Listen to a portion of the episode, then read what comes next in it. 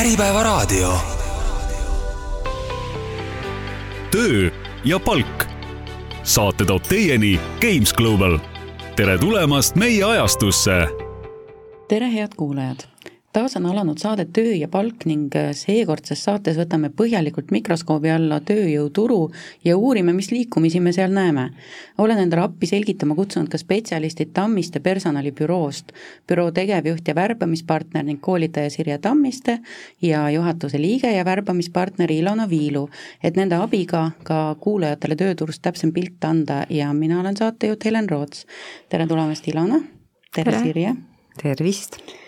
Ja, ja vaatamegi kohe alguses üle, mis, mis seal tööjõuturul toimumas on. et iseloomustage võib-olla tänast tööjõuturgu üldiselt, et missugused need märksõnad on, mis tänast turgu kirjeldavad ja missugused arengud praegust olukorda mõjutanud on mm? -hmm et äh, praegu sellist hektilisust on hästi palju, et, ähm, et ettearvamatust ja, ja ka inimestes ebakindlust. et äh, ühtepidi siis ettevõtted ei, äh, ei julge värvata ja teisalt ähm, ka inimesed tööturul ise on ettevaatlikud ja ei julge ka töökohta vahetada. et samas võib-olla teistpidi, et praegu võib just olla hea aeg ettevõtetel värbamiseks, sest liiga paljud seda ei tee. ja, ja kui konkurents on väiksem tööandjate vahel, on äh, kergem leida endale ka võtmeinimesi.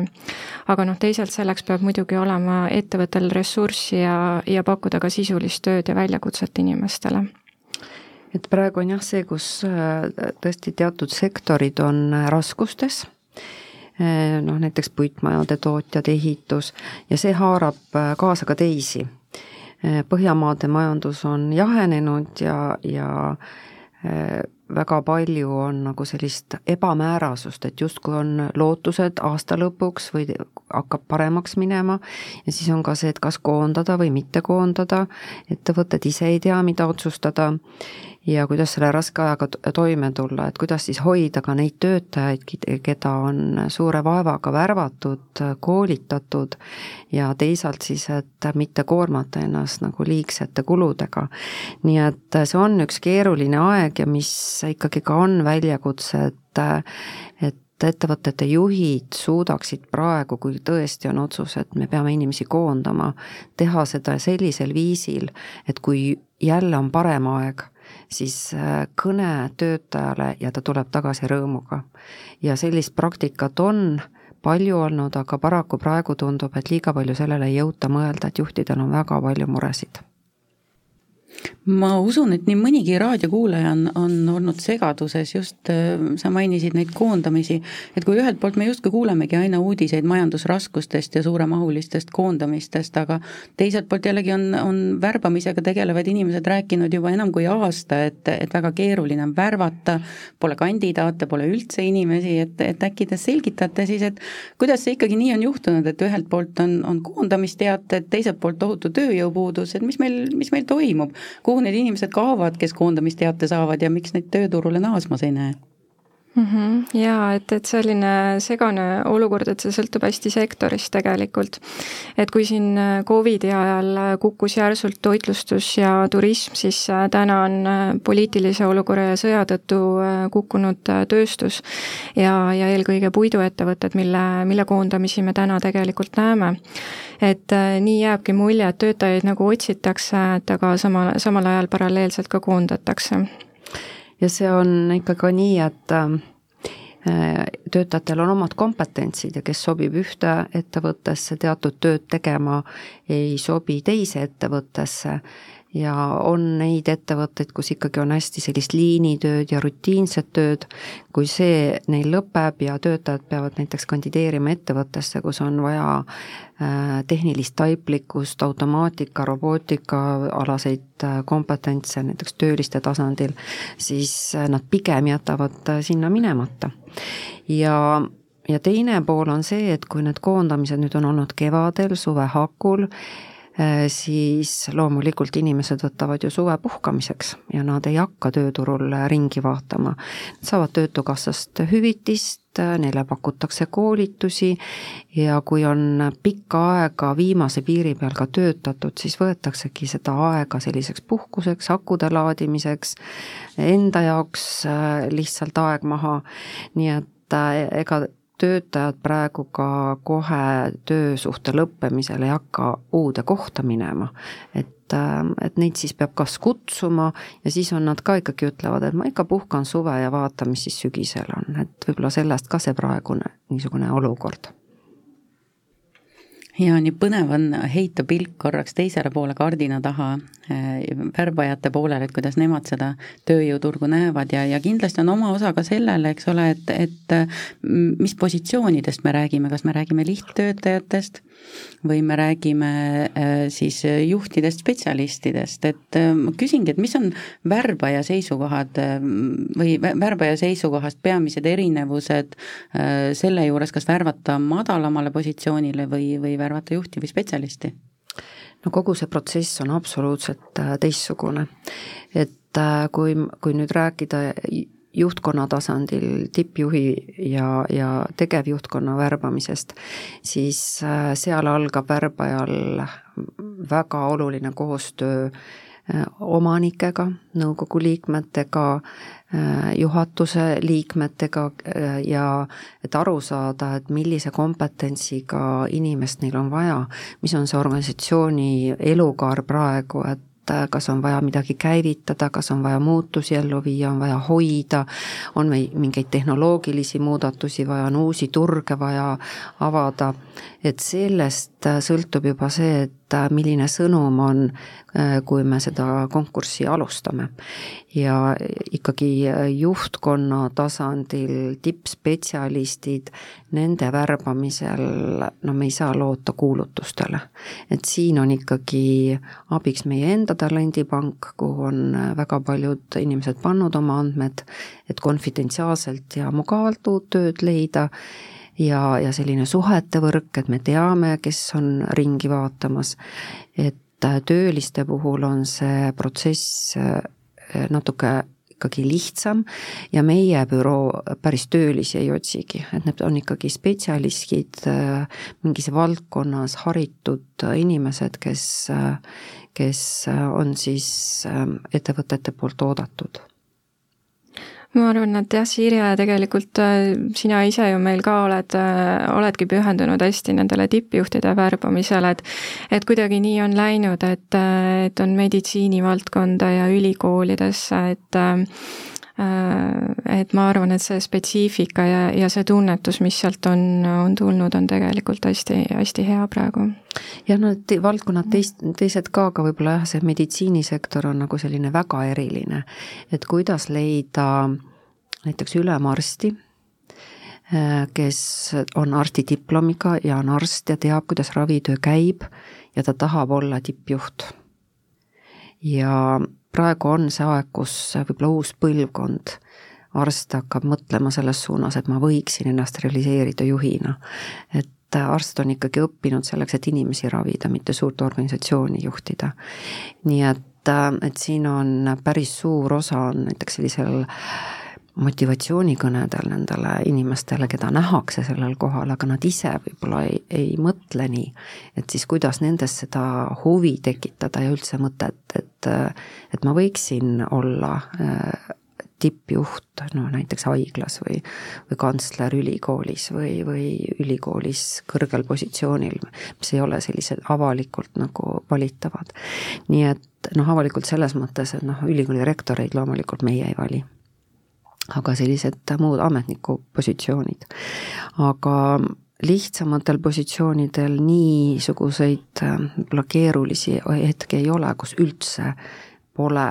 neid, kes tahaksid olla juhid ikka, juhiks ikka tahetakse saada ma saan aru, et äh, Tammiste personalibüroo äh, värbabki peamiselt siis sihtotsingu kaudu ma arvan, et äh, nii võib öelda küll, et me tegelikult äh, ju enamikel konkurssidel käib juurde ka selline avalik kuulutamine, aga seda, et, et me sihtotsingut ei teeks, et, et selliseid konkursse täna ei ole, et, et sellel on jah, väga suur osa. aga kui, kui kerge või kui keeruline praegu sihtotsingut teha on või mis selle keeruliseks muudab? ma arvan, et see sihtotsing, et ta ajas on äh, muutunud järjest keerukamaks, et äh, täna kandidaadid on ka järjest äh, targemaks saanud ja, ja tihtipeale ei taheta ka ennast enam avalikult näidata kuskil, sellepärast et neid kutseid võib-olla tuleb liiga palju. et, ähm, et kindlasti täna ainult LinkedInist ja erinevatest CV-portaalidest ei leia neid parimaid kandidaate. et meie enda värbajatel on ajaga kogunenud tegelikult tegelikult ähm, hästi lai suhtevõrgustik ja, ja see on tulnud ka tänu erinevatele värbamisprojektidele erinevates valdkondades. et äh, minul endal näiteks on ka olnud hästi palju IT-strateegiliste juhi positsioonide otsinguid ja ja täna on hästi fookuses ka infoturbejuhid. et äh, noh, neid inimesi äh, kuskilt avalikult kindlasti ei leia, et, et see, see tuleb lihtsalt äh, sellise kogemuse ja, ja ajaga. et ja, ja ütleme selle sihtotsingu poolelt ka, et, et me oleme hästi palju täna täiendanud just tehnilise poole pealt enda kompetentsi et äh, juba ma siin nimetasin meie enda talendipanka, kus siis inimestel on ühe klikiga võimalik oma CV lisada oma soovid äh, sinna juurde panna. Ja kui meil äh, mõni päring tuleb ja leping on sõlmitud, siis me kõigepealt vaatamegi oma sellesse andmebaasi. Ja mis hästi oluline ka on, et kui on konkursid ja kui näiteks ka mõned inimesed sellele positsioonile ei sobitu, siis küsimegi nendelt luba andmete hoidmiseks selles meie talendipangas. ja ka kui teeme kõnesid, et mis neid huvitab, mille järel nad on, mida neile pakkuda võiks, et siis need märkmed endale talletame. Ja mul eilegi oli näiteks üks niisugune kõne, et meie värbamispartneriks inimene ei sobinud, ta oli sellest positsioonist üle, aga kui me pool tundi arutasime, et kuhu ta liikumas on, siis tegelikult talle endal lõi mõni lambike põlema, mida ta võiks vaadata, muuta ja, ja mina sain tema kohta ka lisateavet, et kui nüüd mõni juhi otsing tuleb, siis ma juba oskan kaaluda, et kas teda pakkuda või mitte. ja päris tihti on ju meie kliendid, kes on vahetama, vahetanud töökohta, andnud kirjaga märku, et kuule, ma nüüd vaatan ringi, kui midagi on pakkuda, pea mind meeles. ja eks siis sealt juba hakkab edasi minema ja nemad oskavad kedagi soovitada ja keegi oskab kedagi soovitada, nii et ütleme, see sihtotsing on tegelikult selle ametikoha müük kõige paremas mõttes, hästi ausalt, hästi avatult ja kandidaatides üldse huvi tekitamine aga ütleme, need inimesed nüüd, kes ei, kes ei ole tööturul aktiivsed, kes ei ole aktiivselt tööd otsimas ja, ja kui neile nüüd midagi pakkuda, mis see tendents praegu kipub olema, et kas, kas pigem äh, vahetatakse hea meelega või kergesti tööd või pigem öö, äh, ollakse praegu konservatiivsed ja ei kiputa, ütleme, turvaliselt kohalt ära minema? kuidas see suund on praegu? Mulle tundub, et on selline alalhoidlikkus, et ähm, kuna majandus on keeruline, sellist tõesti sellist ettearvamatust on hästi palju ühiskonnas, et äh, et inimesed ikka väga kaaluvad, et, äh, et kas vahetada, et, et kas siis peab olemasoleval töökohal olema mõni selline negatiivne külg juba, et, äh, et miks, miks ta sealt ära läheb või on siis juba koondamisega mindud, et aga aga pigem, pigem jah, et, et kui kõik on hästi, siis, siis väga kaalutakse täna nii, aga, aga räägime ka professioonidest, mis on need ametid, kellest täna on tööjõuturul eriline puudus ja, või, või mis on need valdkonnad, kuhu on ekstra raske värvata praegu? no Ilona siin juba seda infoturbe teemat äh, käsitles, et äh, et see tõesti, küberrünnakud ja kõik need äh, võivad puudutada igat ettevõtet ja, ja täna peab sellele iga ettevõtja mõtlema. aga no ikka see kuuldud jutt inseneridest et et meil õpitakse rohkem neid pehmeid valdkondi, need on põnevad, need on huvitavad, aga tegelikult ähm,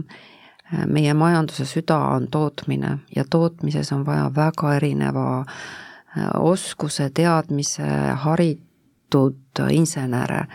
ja kui, kui neid napib, siis eks käibki selline üleostmine, ülemeelitamine ja mis on nüüd nagu ka veel inseneride puhul ekstra, et kui, kui me räägime juhi tasandist, tootmisjuhid, tehnikajuhid näiteks, äh, siis ähm, seal on olulised need isikuomadused ja juhtimisalane kompetents. et kõik need kokku panna, siis äh, see on päris keeruline väljakutse. nii et need, kes on otsitud, on ikkagi sellised, kus lisaks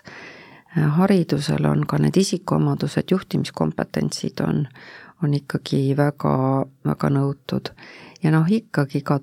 tootmisse neid inimesi, kes oma peaga mõtlevad, teavad, mis on distsipliin, mis on vastutustunne, no need inimesed on alati väärtustatud nii ülikoolide sisseastumiseksamid on tänaseks vist äh, suures osas juba, juba tehtud, aga, aga kutsekoolidesse on aega end kirja panna veel üsna juuli lõpuni, et kui mõni noor seisab praegu veel eriala valiku ees, aga tal ei ole kindlat eelistust, siis äh, mida te talle soovitaksite, mis on need erialad, mida praegu õppides võib kindel olla, et et sul on ikkagi ka kolmekümne, neljakümne aasta pärast äh, leib laual? IT, infoturve, tehisintellekti pool, et, et neid inimesi lihtsalt järjest rohkem on vaja, et, et meil on selline ajastu käes. et, ähm, et aga ma ütleks siia juurde ka, et äh, lisaks kõikidele konkreetsetele erialadele lis-, äh, lisandub äh, oluline märksõna, on, on täna tulevikuoskused et äh, neid oskuseid tegelikult on juba täna vaja ja, ja neid tuleb vaadata laiemalt, et, et siin ongi, ütleme, selline digitaalne kompetentsus ja kirjaoskus äh,, aga lisaks ka need äh, pehmema poole väärtused, et ütleme, emotsionaalne intelligentsus, koostöö ja suhtlusoskus, et ähm,, et ma arvan, et see õppimine täna ei ole selline kahe kuni viieaastane protsess, mis kestab punktist A punkti B, et, et see peab ikkagi olema selline väga teadlik ja elukestev tegevus et sa küsisid äh, nagu noorte kohta, kes, kes siis nüüd valivad eriala. et ma arvan nii, et äh, tuleb ikkagi valida, milles ollakse tugev ja mis pakub huvi et siis on lootus, et äh, tõesti see, mida noor õpib, et talle meeldib õppida, ta teeb seda põnevusega äh, ja võtab sealt maksimumi.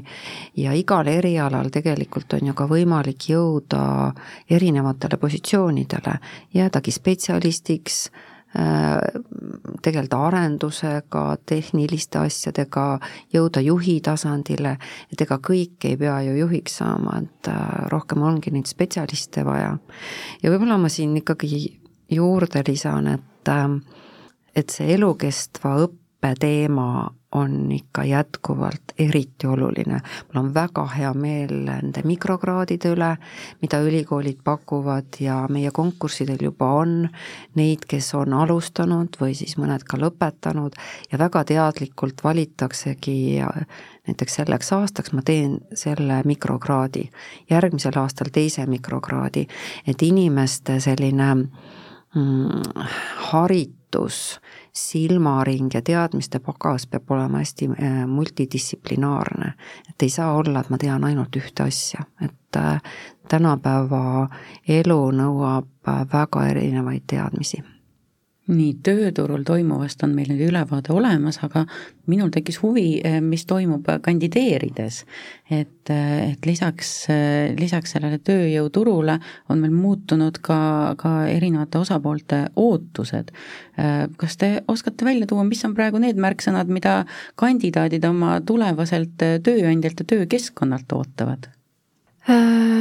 No ma arvan, et minul järjest rohkem konkurssidel äh, küsitakse ikkagi seda, et, et äh, saaks ettevõtte ka käekäigu osas kaasa rääkida. et ähm, oluline on see, et äh, töötaja arvamust võetakse kuulda, inimesed ähm, ikkagi äh, nagu tahavad tunda, et, et nende tööl on mingi suurem väärtus ja, ja suurem eesmärk et äh, lisaks muud sellised äh, käegakatsutavad hüved, et, äh, et sporditoetusest vast ehk on olulisemgi selline tervisekindlustuse pool ja ravikulude kompensatsioon. no mis võib ka ikkagi nagu välja tuua ja, ja mida, mida ei saa kunagi ära unustada, et need ootused juhtidel on läinud väga kõrgeks et kui lugedagi, mida kõik üks juht peab teadma ja oskama ja toime tulema, siis siis tekib äh, kuidagi nagu suur kaastunne, et äh, kust neid inimesi võtta ja need, kes selles rollis on, et see ei ole realistlik, et nad kõigi nende ootustega toime tulevad. et nagu sellesse juhi töösse on juba sisse kirjutatud, et ikka keegi on sinuga rahulolematu, ikka sa mingis asjas oled nagu äh, ebapädev, noh, kas või alustame sellest, et juhil peab olema selge visioon ja strateegia ja ja ta peab olema konkreetne oma niisugustes ütlemistes ja väga sirgjooneline, aga samas oodatakse temalt hästi suurt empaatiat ja inimlikkust ja niisugust märkamist ja, ja pehmust. ja, ja ka noh, see, et töö mõte on ju muutunud, et see pole enam raha teenimine, see on äh, niisugune eneseteostus, on oma elule tähenduse ja mõtte andmine ja kui nüüd äh, mm, mõelda, et mida siis oodatakse tööandjalt, siis kõike seda oodataksegi, et kui ma sinna tööle lähen, siis see aeg, mis, mille ma sinna panustan, et selle võrra ma ka ise arenen ja muutun kuidagi rikkamaks, targemaks, mul on huvitav, ma saan oma kõiki tugevusi, potentsiaali kasutada ja edasi arendada. et äh, need ootused on eriti uuel põlvkonnal veel väga kõrged kui oluline on paindlikkus ja kaugtöö võimalus ja kas teie kogemuse järgi seda pakutakse piisavalt, on see, on see praegu juba hügieenifaktor või, või on see mõnes kohas ikka veel privileeg, mis tuleb välja teenida ja mida igaüks ei pruugigi sinna jõuda? Äh, paindlikkus ja kaugtöö on jah, väga olulised märksõnad ja, ja pigem on ta täna muutunud hügieenifaktoriks. et aga siin peab äh, ikkagi silmas pidama, et seda me saame pakkuda ju ainult äh, kontoritöötajatele. et, et sellest ka see nimetus kodukontor, et, et see ongi ikkagi kontoritööga seotud aga inimesed täna tõesti ei lähe enam kindlasti tööle ettevõttesse, kes ei ole valmis üldse pakkuma paindlikkust ja, ja kaugtöö varianti. et, et noh, kui varem äh, tihtipeale juhid just arvasid, et kodukontoriga tuleb selline nagu usaldamise pool mängu, et inimesed ei tee tööd ja tegelevad kõrvaliste asjadega et siis äh, tegelikult täna on, on vastupidi, äh, vastupidine efekt selles osas, et äh, jäetakse lõunapausid vahele ja, ja tihtipeale see tööpäev kestab ka viiest edani, edasi mm. -hmm. et on keeruline tõmmata seda äh, joont isikliku ja tööaja vahele, eks ole. jaa, see, see kipub olema. hästi kerge on sealt üle minna mm, -hmm. et ma mhm. teen paar tundi veel, et siis saan tänased. sa ja, tead, millest sa räägid, minu meelest sinu kiri minule tuli ka üsna öötundidel, nii et et sellisel puhul on ikka mhm. tahtmine küsida, et ähm, miks, miks sellisel kellaajal. ja noh, ma arvan, et see hübriidtöö on ju suur väljakutse ka juhtidele, et juhtide kompetentsusest ma just ka rääkisin, et äh, kuidas siis ikkagi tekitada koostööd äh, meeskonnas, kui kõik on oma kodudes. Ja äh, tulemusi saavutame me ikkagi koos, et igaüks üksinda saavutab palju vähem kui, kui läbi sellise koostöö, ühiste arutelude, eh, mõtete jagamise, teineteise toetamise, ühe mõttest kasvab välja teine mõte ja need arutelud tihti tekivad ikkagi ju koos ühes ruumis olla, et need ei teki, kui me lepime kokku Teamsi aja ja siis nii, nüüd palun kõik mõtted kohtume kohvimasina juures või lõunalauas ja hakkame arutama ja, ja mõte hakkab liikuma et tundub jah, et te kinnitate sellist äh, muljet, mis on, mis on ka minul jäänud, et see hübriidtöö on, on nagu kõige, kõige levinum vorm praegu vist tõepoolest, et paar päeva kontoris, paar päeva kodukontoris. ja ma siia juurde vast lisan ka selle, et äh, hästi meil on ju neid avatud kontoreid palju. Ja avatud kontor ei ole küll see koht, kus sa saad süveneda ja põhjalikult mingis teemas äh, asjad ära teha, vaid seal on seda müra ja segajaid nii palju ja siis ongi hea kodus teha. muidugi, kui sul ei ole seal väikseid lapsi, kes kogu aeg midagi soovivad, siis on see veelgi raskem, et väikeste laste emad tulevad hea meelega tööle, et saaks tööle keskenduda ja puhata natuke et mitut asja korraga ikka ei saa teha. ja, ja mina võin ka siia tegelikult kohe näite tuua, et mul täna just üks äh, kandidaat äh, võttis tööpakkumise vastu ja ta ütles, et äh, tema jaoks nagu väga positiivne asi oli see, et tegemist ei olnud avatud kontoriga, et mis enamikes kohtades on, et see oli ka otsustamisel üks selline nagu aspekt mm. -hmm aga ka roheline maailmavaade on üks neist asjust, mis inimestele viimasel ajal eriti palju korda läheb ja eriti just nooremale põlvkonnale. on see nii ja, ja kuivõrd uuritakse kandideerides näiteks ettevõtte tehtud rohesammude kohta, kui palju see panus, ettevõtte panus siis kandidaadi jah-sõna puhul määrab ja kas teie praktikas on ette tulnud ka äh, selliseid juhtumeid, kus inimene tõesti loobubki pakutavast ametikohast, kuna ettevõte ei ole piisavalt äh, roheteemadesse panustanud? no see kindlasti mõjutab inimeste valikuid. võib-olla nad ei nimeta seda nüüd rohepöördega ja nende, nende sõnadega, aga no näiteks kui me otsime tubakatooteid müüvale ettevõttele raamatupidajat, siis väga paljud ütlevad, et ma ei pea suitsetamist õigeks ja ma ei ole nõus selles ettevõttes töötama. kuigi tema ei müü neid sigarette, ta ei tee midagi selleks, ta hoiab raamatupidamise korras, aga ta ei ole nõus sinna tööle minema. et pigem isiklikud väärtushinnangud on need, mis takistavad? Mm -hmm. väärtused, et mm, -hmm. et kas see ettevõte reostab loodust, milliseid pakendeid ta kasutab, kõik see pool on oluline, et võib-olla mitte värba, noh nagu konkureerimise sellises esimeses etapis, aga kui juba inimene positsioonile lähemale jõuab ja kui on kohtumised kliendi juures, siis need on küsimused, mida küsitakse. ja noorte puhul on need küsimused kohe algul Nemad on hästi teadlikud, nad valutavad südant selle pärast, millises maailmas peavad nemad ja nende lapsed elama. Ja hiljuti ma rääkisin oma tütrega, kes õpib keemiat ja tal on jäänud üks aasta veel, et äh, kuhu sa tööle tahad minna. Ja siis ta kohe välistas oma jutust need ettevõtted, mis on suurimad äh, keskkonnasääst- või äh, reostajad ja kus võib-olla on palgad ja kõik see suurepärased, teha rahvusvahelist karjääri ja kõik, aga ta täiesti välistas, et ta ei lähe teatud ettevõtetesse, mis maailma nagu keskkonda rikuvad. nii et, ähm, et see on oluline teema ja seda tuuakse ka ju oma kodulehtedel välja, sellest väga palju räägitakse. Ka, see on üks tööandja brändingu osa millele tuleks järjest rohkem tähelepanu pöörata ja seda on küll hea ja turvaline teada, et noored neid valikuid teevad ja, ja ka neid panuseid tõesti hindavad.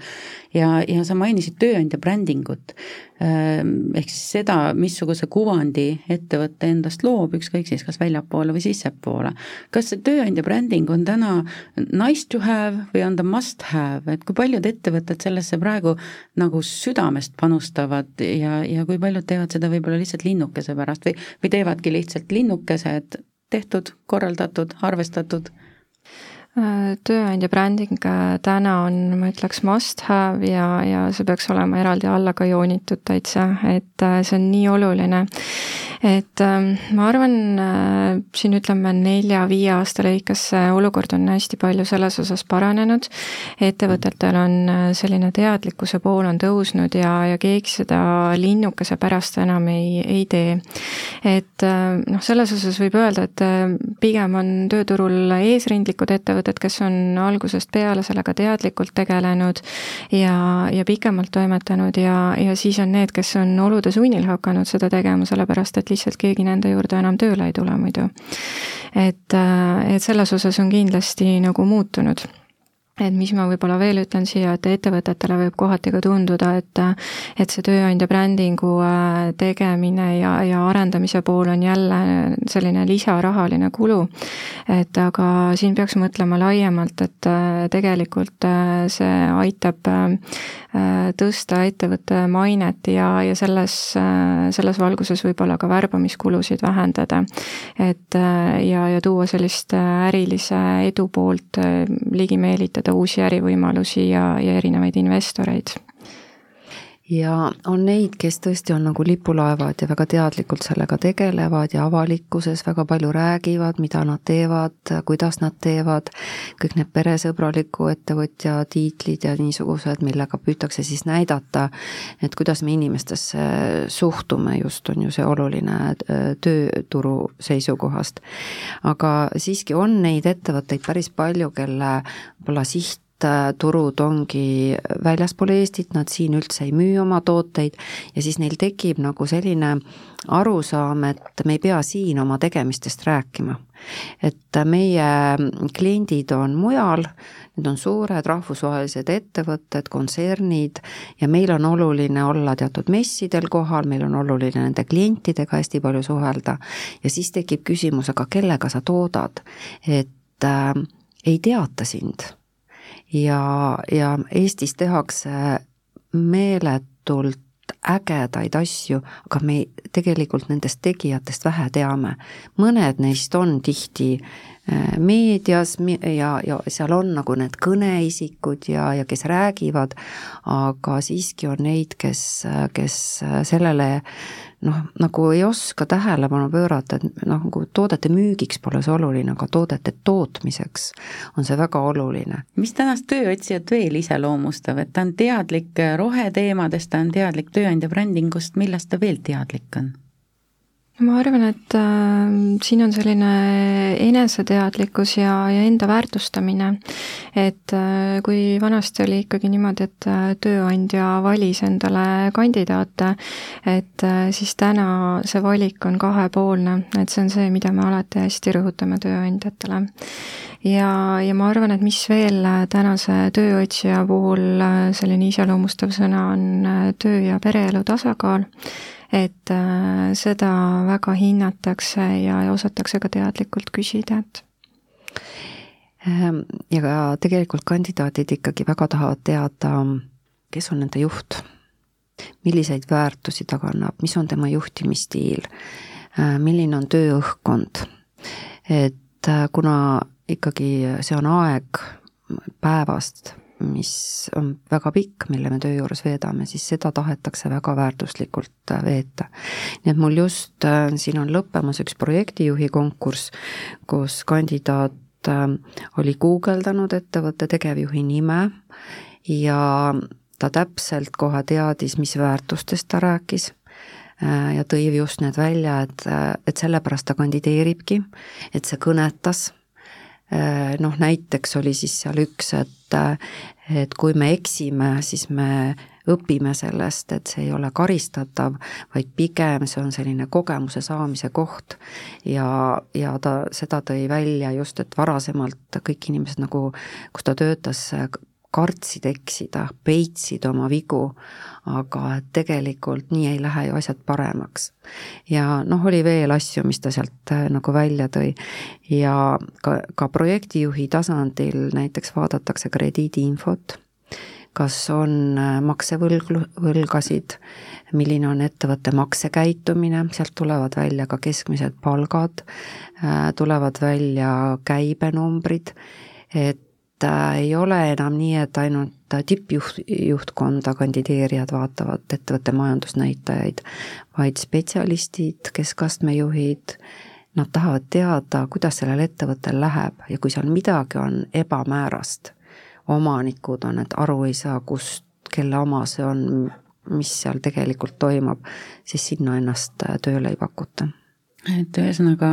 äh, tänu võib-olla siis äh, sellele infole, mis on äh, interneti kaudu avalikuks saanud, ongi meie ettevõtetel sisuliselt klaasist seinad ja ja kõik on näha, mis, mis sees toimub ja kui seal ongi midagi kahtlast, siis pigem, pigem see võib saada kandideerimisel takistuseks no ma mõtlen äh, siin nagu eriti need, kes on juhid, et äh, isegi kui tekivad sellised mingid ärivaidlused või kohtuolukorrad, kus äh, omavahel asju sirgeks räägitakse, siis võimalikult vaikselt seda teha, sest märk jääb ikka külge, et vot sellel juhil oli seal mingi suur probleem lahendada ja ta ütles kuidagi teravalt või halvasti. et selliseid nagu ebatsensuurseid väljaütlemisi ei saa juht lubada, et siis tema juurde tööle ei tulda nii, aga tööjõuturust rääkides me ei saa üle ega ümber meie demograafilisest olukorrast, eks sellest, kuidas meie ühiskond vananeb ja vananeb ka tööjõud. kui sageli teie kohtute olukorda, kus tööpakkuja võib-olla põhjendamatult kitsendab oma valikut ja, ja seab valik- või ametikohale vanusepiirangu või, või mida teie kogemus juhtide ja spetsialistide värbamisel üldse näitab, et kui, kui kerge või raske on näiteks viiskümmend pluss inimesel tänapäeval tööd tei-, tööd leida või, või siis mm, pigem küsin nii, et, et kas, kas Eestis esineb vanuselist diskrimineerimist ehk ageismi või ageismi, kuidas nimetatakse? no seaduste järgides seda kindlasti äh, teha ei saa, et kui üheksakümnendatel pandigi neid töökuulutusi üles, kus oli otsime vanusevahemikus kakskümmend viis kuni kolmkümmend viis äh, naisterahvast, et seda ju täna ei tehta, et aga noh, paratamatu on see, et äh, ettevõtete juhid valivad ikkagi äh, inimesi äh, enda näo järgi. et, et see isiklik sobivus ja klikk on väga oluline, et kes, kes inimesena on nende inimene. ja, ja seal kindlasti mõjutab seda valikut ka juhi enda vanus, et, et tal oleks selline, selline ühine nägemine ja, ja mõtlemine et aga ma siia juurde võib-olla ütlen ka seda, et see tööle saamine sõltub väga inimesest endast. et äh, noh, neid näiteid on, et kus äh, tööturule tuleb olude sunnil, et kas siis ütleme, koondamine või mis iganes seal taga on. Äh, inimene, kes on selline viiskümmend pluss vanuses ütleme siin, siin selline äh, näide, et kus, kus ta on kakskümmend, kolmkümmend aastat töötanud samas ettevõttes ja, ja samal ametikohal, äh, pole seal võib-olla ennast äh, vahepeal ei täiendanud ega arendanud, et siis tema selline nagu arusaam üldisest töömaailmast tihti piirdubki just selle konkreetse ettevõttega, kus ta pikalt oli. ja ta ei, ta ei suuda enam kohanduda uue keskkonna ja reeglitega. et sealt tuleb see mõtteviis, mis äh, igal pool need äh, punased lipud püsti äh, viskab, et need,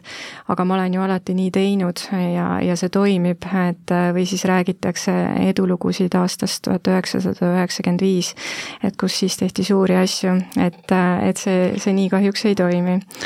Et aga noh, minu enda näitest ka, et värbamisel, kui mul on ikkagi olnud kompetentne inimene, kes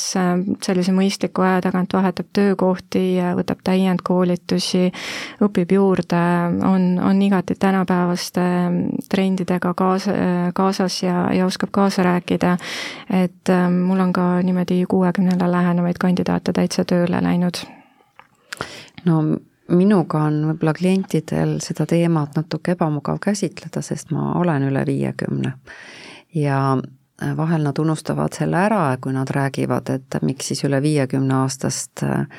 nad eelistavad mitte palgata, et ta ei ole kursis kaasajaga ja võib-olla keel ei ole enam see ja arvutiga ei saa hakkama ja mingid sellised noh, ka natukene äh, imelikud arusaamad on, on inimeste vanusest ja, ja sellest, millega nad hakkama saavad, siis ma olen vahel nagu muigega küsinud, et huvitav, et miks sa mind praegu palkasid seda otsingut tegema, et ma olen ju äh, päris kindlalt üle viiekümne noh, see on selline kohmetuse koht siis, et, et naerame koos ja pigem siis arutame selliste sisuliste asjade üle, et et milline on see kujutlus üle viiekümne aastasest inimesest. Ja kui me vaatame nagu ringi, siis ähm, üle viiekümne aastased lähevad veel õppima, teevad karjääripöördeid, äh, nad on nii erksa huviga maailma vastu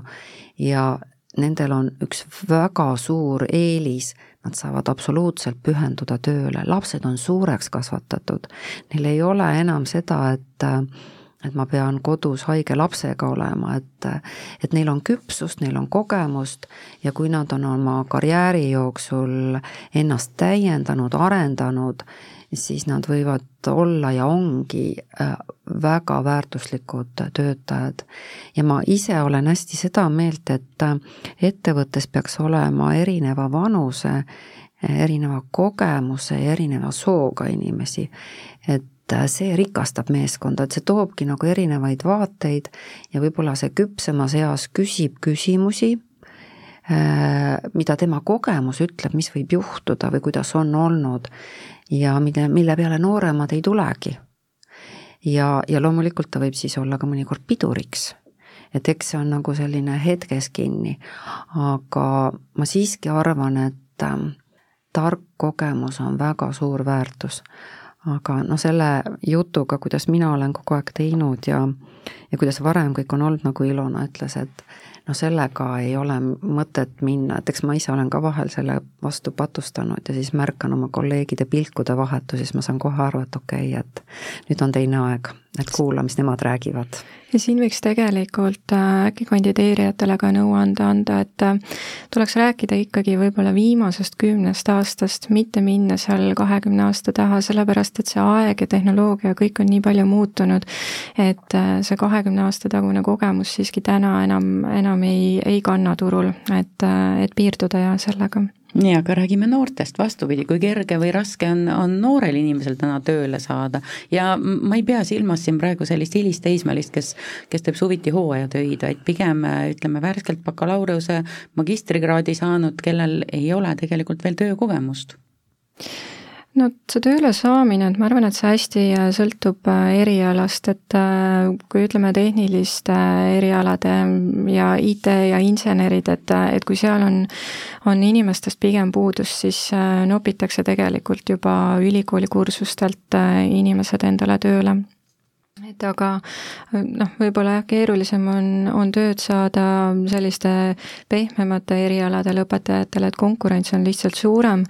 et noh, kas või tuua näide, et, et personali töövaldkonnast, et neid tööotsijaid on hästi palju ja seal ikkagi loeb suuresti see eelnev kogemus, et, et siis tuleb lihtsalt järjekindlalt kandideerida, mitte, mitte meelt heita, mõelda, mis võib-olla eelmisel kogemusel kandideerimiskogemusel siis halvasti läks, et mi-, mida saab teistmoodi teha, et et silma paista, et varem või hiljem ikka, ikka selle töö leiab, et kui on asjalik inimene. ma noorte puhul võib-olla paneks ka selle mõtte siia kõrvale, et äh, neil on väga suured ootused ja nõudmised, mida nemad kõik tahavad. mida, millist palka nad tahavad, milliseid tingimusi, kuna tööl käia ja nad unustavad ära, et mida neil on pakkuda. ja kui ka vestlusel on see fookus, et mis te mulle annate, mis te mulle pakute, aga mis sa ise kaasa tood, et kui seda jääb nagu väheks, siis on, on äh, loota, et tööandjal tema vastu huvi on noh, nagu liigne. et ikka sellisel tööturule siseneja pigem võiks olla tänulik iga kogemuse eest ja valmis alustama äh, lihtsamast positsioonist, madalama palgaga,